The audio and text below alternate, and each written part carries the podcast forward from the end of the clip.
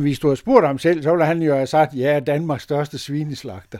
Det kaldte han sig jo faktisk. Altså, det, og når man ser billeder af ham, han var jo sådan noget af en, en renaissanceskikkelse. stor og bred, stort fuld skæg. Altså en mand, der levede livet, det er der slet ingen tvivl om. Ved du godt, at det stykke bacon, der indimellem ligger på din stegepande og syder, det har en historie? Det har det. Og det er en historie, der skal hentes i Holstebro, og den handler om den her omtalte Danmarks største svineslagter. Han var nemlig manden, der fremavlede den danske baconkris. Manden hed Magnus Kær og var født i 1844. Og sådan en madentreprenør med enorm indflydelse på landbrugsøkonomi og vores daglige måltider, ja, han burde jo næsten have en statue i det offentlige rum, så vi med jævne mellemrum kan hilse på baconkongen. Men besøger man museumsinspektør Esben Gravgaard på Holstebro Museum for at få historien om Holstebro-borgeren og bacongrisen, og for at finde ud af, om Magnus Kær har fået en fin og fremtrædende plads i nutidens offentlige rum, så er svaret. Nej, det er der jo egentlig ikke. Øh, han har fået opkaldt en ganske ydmyg gade om i byen. Altså et, en af de korteste gader, der for er om i den gamle bydel. Og så har han nok Danmarks kedeligste gravsten. Den, det er heller ikke noget over på for. Men så er der jo alligevel noget for nede i, nede i anlæg. Der står der altså en stor stele med, et, med en portrætmedaljon. Og den samlede byens borgere ind til, da han var død der i 1895. Og den har godt nok haft en sådan lidt mærkelig skæben, den bliver flyttet hver gang, man skal lave noget om i anlæg. Men altså, Magnus Skær, han er der med et sted. Og på hjertet, tror du, at der er nogen i dag i 2019, der ved, hvem han egentlig er? Nej, jeg tror ikke, at hvis du spørger unge mennesker, ved de det selvfølgelig ikke, altså, og slet ikke, hvilken betydning han har haft. Så han er, han er og Magnus Kærs gade, jamen, det er en anonym gade for de fleste mennesker. Så lad os rulle historien ud om Magnus Kær og få fortalt den her historie, for den fortjener virkelig at blive fortalt. Men for at forstå historien om ham og om grisen og bacongrisen, så er vi nok nødt til lige at trille tiden lidt mere tilbage, altså netop til 1800-tallet. Hvad er Holstebro for et sted, og hvad er det generelt for et Danmark, vi har med at gøre? Altså Holstebro er en handelsby, og det man handler med, det, det er heste, og det er stude. Og der kommer handelsfolk hertil fra hele Nordeuropa. Det var simpelthen øh, det sted i Danmark, som trak allerflest fremmede handelsfolk til. Så vi havde kontakter ud i den store verden. Altså det der billede af det mørke, isolerede Vestjylland, det holder altså ikke her i Holstebro. Altså, altså mange bønder her for egen, jamen de gik jo en tur til Hamburg eller til Amsterdam for at handle, og så kom de, kom de den anden vej. Men altså det er jo, det er jo udbredt et landbrugsområde. Altså den første industri, vi får i Holstebro, det er et lille jernstøberi i 1862. Så det er, det er et landbrugsland, vi befinder os i. Og, og stort set det eneste, der ikke er her, det er svin. Øh, fordi det er kreaturer, vi er, vi er berømte for her i byen. Vi har stadigvæk noget, der hedder Horstræde, altså hestegade. Ikke? Og de store hestemarkeder i Holstebro, de stopper først i 1959, og det er stadigvæk det gamle folk i Holstebro husker det hestemarked. Så hvad kommer først, svinene eller slagterierne? Jamen, man kan sige, det er jo egentlig slagterierne, der sørger for, at der bliver en produktion af svin ude ved bønderne. For en, ganske almindelig jysk gård i, i 1800-tallet, jamen de havde en, to øh, svin, flere havde de jo ikke, og den ene af dem slagtede de til jul. Så var der ikke, så var der en at avle videre på næste år. Altså, man havde ikke en produktion af svin. Og, og de få steder, man havde det, der sendte man dem til Hamburg. Altså, så, øh, vi har jo nogle fortællinger om nogle enkelte gårde, der producerede svin, som man så gik til Hamburg med. Der sendte man gerne børnene afsted med dem. Altså, de var 14-15 år, og så siger, siger far til Hans, jamen, kan du ikke lige gå til Hamburg med de her 10 svin og sælge dem, og det gjorde han så. Og, og det gik godt, det, det er helt utroligt faktisk. Men det var ikke en målrettet produktion, ligesom det vi får senere hen med andelsbevægelsen og alt det her. Hvad er så det store omslag, der gør, at man lige pludselig får nogle slagterier, og man får en decideret svineproduktion?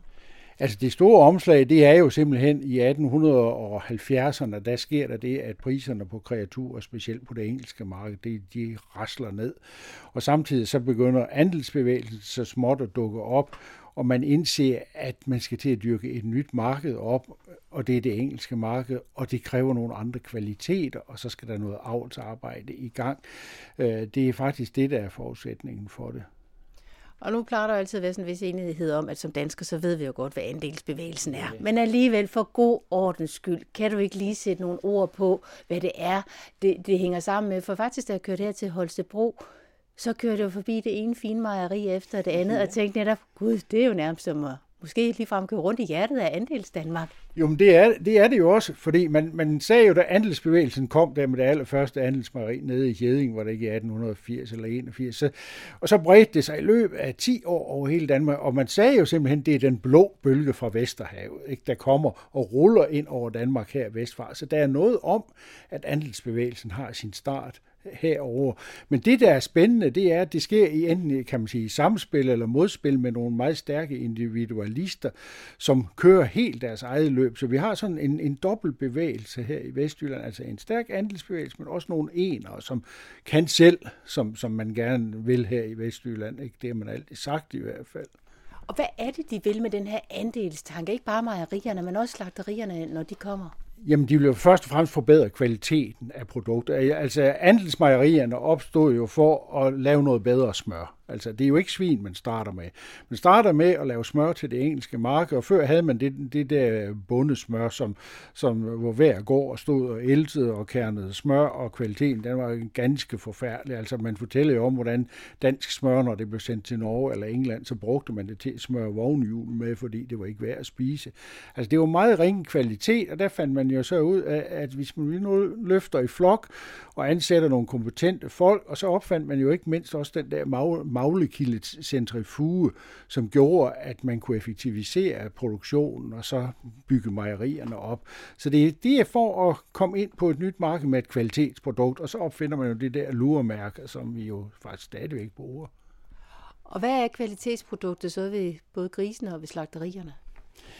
Kvalitetsproduktet det er bacon, simpelthen. Og, og det er jo det, det bliver efter at, ja, så skal vi til Magnus Kær, ikke, fordi han har været i England og arbejde derovre og, og kunne se, at der var altså en stor efterspørgsel efter det produkt, der hedder bacon. Det er jo egentlig noget, som hedder røget sveden flæsk. Det er bacon. Altså, det er jo egentlig det, det består af. Det er flæskesider, som er røget og så videre. Og der var jo en produktion af røget svedet flæsk, for eksempel her i Holstebro tilbage til 1860'erne, som man eksporterede til den engelske flåde.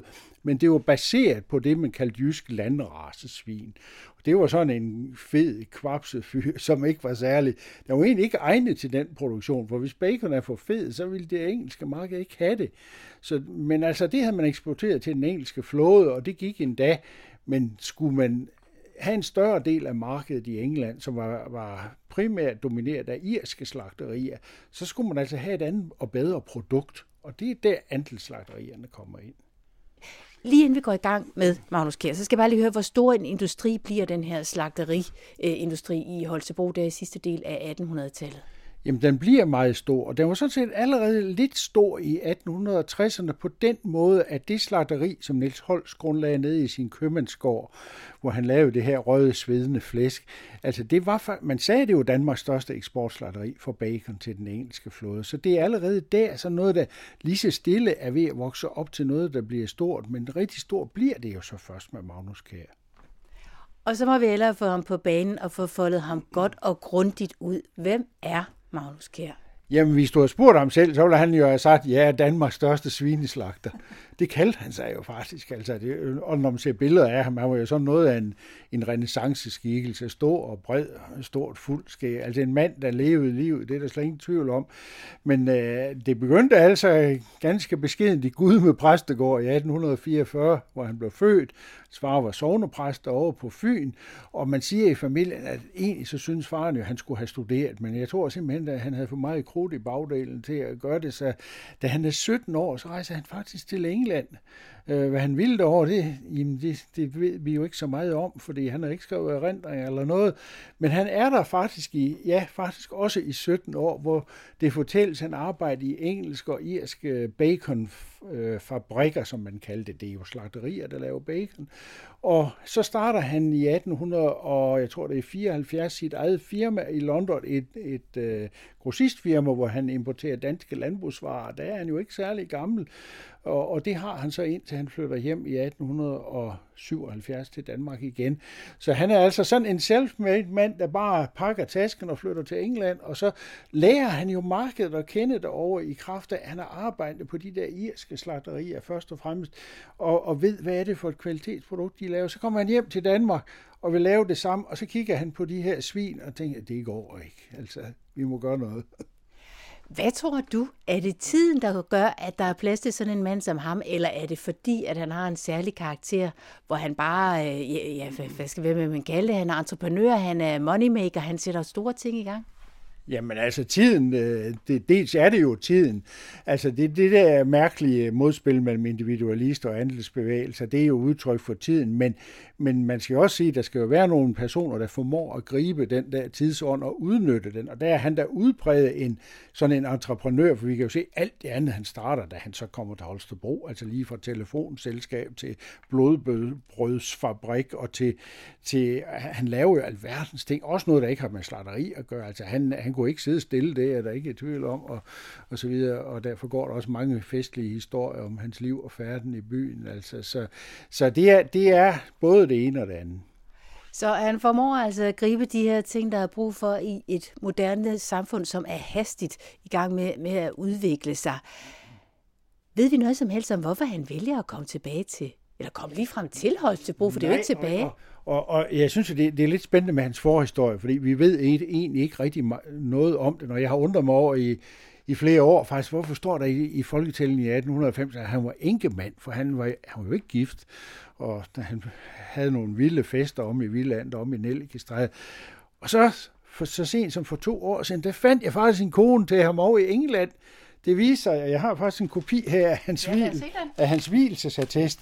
Jeg fandt ham gift oppe i Gateshead, oppe i, ved Newcastle, med en, en ung pige, der hed Sarah Mason. Hun er 19 år gammel, han er 30 år. Ja. Og øh, de bliver altså faktisk gift, og der kan jeg se, så er jeg været inde og kigge i andre papirer selvfølgelig, og der kan jeg jo se, at på det tidspunkt havde han jo det der grossist firma nede i London, de boede i Greenwich, og der flytter hun med ned, så dør pigen altså, eller konen er hun jo nu, der dør hun to år efter, da hun kun 21 år gammel, og så lukker han butikken, og så flytter han hjem. Jeg er sikker på, at han har, og han bliver aldrig gift igen, og jeg er sikker på, at han elsker hende så højt, så han, ja, det var det, og så vil han ikke være der mere, så rejser han hjem. Og så kan jeg se, at han får kontakt med T.H. Christiansen, som ejede slagteri nede i Varde. T.H. Christiansens firma, det hedder en overgang Christiansen og Mason. Mason, denne Mason, som er kompagnon med Christiansen, er svoger til Magnus Kær. Og det har jeg fundet ud af for nylig. Og, det er, og det er derfor, han flytter først til Varde, og så sker det nemlig det, at Christiansen han sælger slatteriet i Varde og køber Holstebro svineslatteri, og så får han Magnus Kær med herop. Så det er derfor, han ender her. Og sådan kan livet indimellem være så finurligt, men jo altså også ret storslået. Og så ende med et kæmpe slagterieventyr. For hvad er det, han kan, når vi taler svin? Jamen, han, øh, det er avlsarbejde, simpelthen. Altså, han, han har indset, at hvis vi skal have en stor eksport i gang til England, så skal vi levere et bedre produkt.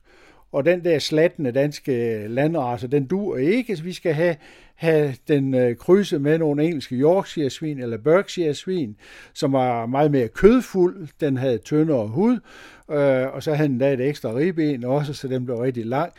Og så begynder han at importere Yorkshire-orner her til Holstebro-egnen, som han opstallede hos lokale bønder, og så kan man se annoncer i aviserne, hvor der, nu var der lige det sjove ved, at han opkaldte sine orner efter dem, han købte dem af. Så kunne, man, så kunne man se, at nu stod jarlen ellers med til bedækning ude på Storvej. Og så kunne bønderne ellers komme med deres søer og få, få dem insemineret. Og på den måde, så fremavlede han altså faktisk det, der hed Holstebro-grisen, eller som han selv kaldte den Magnus Kærs, den lange halvfede. Og den, det lykkedes ham faktisk at få indarbejdet et ribben mere i den danske bacongris. Øh, og det blev en lang, en lang, smal gris, og den var eminent at lave bacon af. Og det er jo den, man har bygget på faktisk helt op til vores tid. Og lad os lige holde historien der, fordi du har også et chatek med nogle billeder ja. af svin. Hvor andre har familiefotos, ja, der har du et chatek fuld af svin. Det, det er jo fantastisk. Altså, jamen, hvem, vil, øh, hvem vil bruge en af byens bedste fotografer til at, få, til at få fotograferet de her ordner? Altså, det er jo ikke nogen skønhedskonkurrence. Altså, de, de, de ser jo altså lidt voldsomme ud. Og jeg skal faktisk lige afbryde det her, fordi det er nemlig, ja nu er de på det her sådan noget tyk karton, men det ligner jo sådan nogle rigtig fine fotoer. Jamen det er det. Altså jeg ved, de fotograferede af en mand, der hedder A.H. Forbæk, som var en, en meget dygtig fotograf her i Holstebro. Og dem fik han fotograferet, og så sendte han dem til det kongelige landhusholdningsselskab. Og der har jeg fundet de billeder i deres arkiv faktisk. Den er, han har været så stolt af de svin, at han har sendt dem derned. Og man må jo sige, altså, dengang brugte man altså ikke penge på at fotografere orner. Nej. Altså, det, det er, han, han har været pave stolt af de der dyr, som, som han så altså havde. Og, og det ender jo med, at, at han faktisk øh, øh, får sendt øh, sine årene og sit, sit afkom ud i hele Danmark.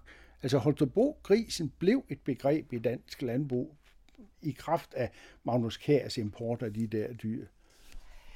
Så han sætter gang i den her fantastiske svineproduktion, og der kommer nogle ordentlige svin, der kan levere noget ordentligt bacon, og kommer der så ekstra plus under kedlerne på slagterierne?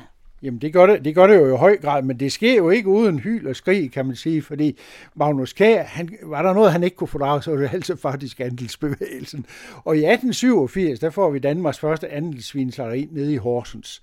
Og andelsbevægelsen kunne altså heller ikke rigtig få det Magnus Kjær. Så der kom til at køre en kamp i medierne, og nu er jeg været inde og se i aviserne fra den tid, og, og det kan man nu, der er registreringer og sådan noget. Og der kan jeg jo se, de, de der læsebrevsfejder, der var mellem, altså skal slatterierne fremover, skal det være andelsejet, eller skal det være de der individualister, der ejer dem? Det er en kamp, der foregår langt op efter 1900, altså i dansk, øh, dansk slatteriverden. Og, og der må man jo sige, der taber Magnus Kær jo. Men ikke i Holstebro, for her var andelsvineslagteriet altså faktisk privat ejet helt frem til 1968. Altså, der havde vi nogle store enere, som overtog efter Magnus Kær, blandt andet den store kreaturkommissionær Ivar Lundgaard. Han ejede Holstebro svineslatteri. Han kunne ikke få draget stor andelsvineslatteri. Altså, det var, det var ikke noget for ham. Altså, nej, jeg ejer mit eget slatteri. Der er, sådan noget, der er et eller andet typisk vestjysk over det der. Udgangspunktet er jo altså at producere et kvalitetsprodukt, for ellers så kan vi ikke få den der eksport til England øh, forøget. Og, og det lykkedes jo som bekendt. Altså, eksporten fra 1870'erne op til 1890'erne, den bliver jo 10-doblet af bacon til England simpelthen. Altså, og, det, og det er takket være Magnus Kær. Ja, det vil jeg jo hævde. Nu sidder jeg jo i Holstebro. Øh, der, det, der var jo også andre, der importerede engelske ordner, men, men øh, det er ham, der starter med det, og det er ham, der ligesom lægger navn til det. Altså Magnus Kærs, den lange halvfed, det blev et begreb, altså også i hele landet. Og hvor holden bliver han på baggrund af sådan en fed gris? Han er simpelthen byens rigeste mand, og folk her i Holstebro, de, er, de siger, at det må være Færk-familien, altså den, det store tobaksdynasti, som allerede i 1890'erne var meget velhavende. Men, men altså, tobaksfabrikant Søren Færk, han er i skattebøgerne kun sat til omkring en fjerdedel af det Magnus Kær, han står til. Altså, han var suverænt byens øh, rigeste mand, og, og i hans bo, som jeg har været inde og se, altså skifte efter hans død, ikke? Altså, der er jo for eksempel 12 hummergafler i sølv, altså, det er jo, altså, det jo, der var levemåde omkring den mand, altså, og han har fået noget ud af det selv, og det synes jeg er herligt, altså, han har nyttet det. Nu Færk-familien, som du der nævner, altså de, øh, det er jo blandt andet dem, vi sidder jo her på Holstebro Museum, ja. og de har jo mildest talt spyttet godt i kassen til de her fantastiske bygninger, vi sidder ja. i. Det er trods alt ikke Magnus Kærs museum, vi sidder i. Kan man se nogle spor ude i byen, hvor han har været pengemand, der har betalt og finansieret et eller andet derude? Nej, det kan man ikke. Altså, han, og det er jo egentlig synd for ham, for han skænkede faktisk tre springvand til byen, bare for at forskynde byen. Men sagen er jo den, han dør allerede i 1895. Han blev jo ikke ret gammel. Øh, øh, han dør 49 år gammel, og, det, og han havde ingen børn, og, og hans arvinger boede ikke her. Så han har ikke sat sig nogen spor i Holstebro faktisk efter den tid der. Så derfor øh, er der ikke rigtig noget, der minder om ham, og det, det er jo ærgerligt. Og det er måske også derfor, at vi som forbrugere ikke går rundt og holder lange skåltaler øh, til Magnus Kærs øh, eftermæle. Altså netop fordi, hvem ved egentlig i grunden i dag, hvem han er? Han er lidt glædet ud af historien. Men hvis du skal trække linjerne op til i dag, hvor meget har vi ham så tak for? Jamen, jeg vil, da, jeg vil da hævde, at dansk landbrug har ham rigtig meget at takke for, selvom hans avlsarbejde, det blev, jo, det blev jo også meget omdiskuteret. Det var ikke alle, der var enige i, at det var positivt, det han gjorde, altså hans måde at, at avle på, den kunne godt være lidt lemfældig indimellem, men altså, det er jo ikke altid noget med fine stamtavler og sådan noget, som det bliver senere. Så, så det foregik ikke uden diskussion, det han, det han lavede, men, men altså, jeg mener, grundlaget for, for den moderne baconindustri, det, det er ham. Det er nemlig Magnus Kjær fra Holstebro. Vi kan takke for den lange halvfede. Jeg havde på Holstebro Museum øh, talt med museumsinspektør Esben Gravgaard. Og historierne de fortsætter her på podcastkanalen. Og jeg vil næsten love, at når der igen er tid i kalenderen, og der er penge i rejsekassen, så tager jeg ud og får hentet gode Danmarks historier hjem. Tak fordi du lyttede med.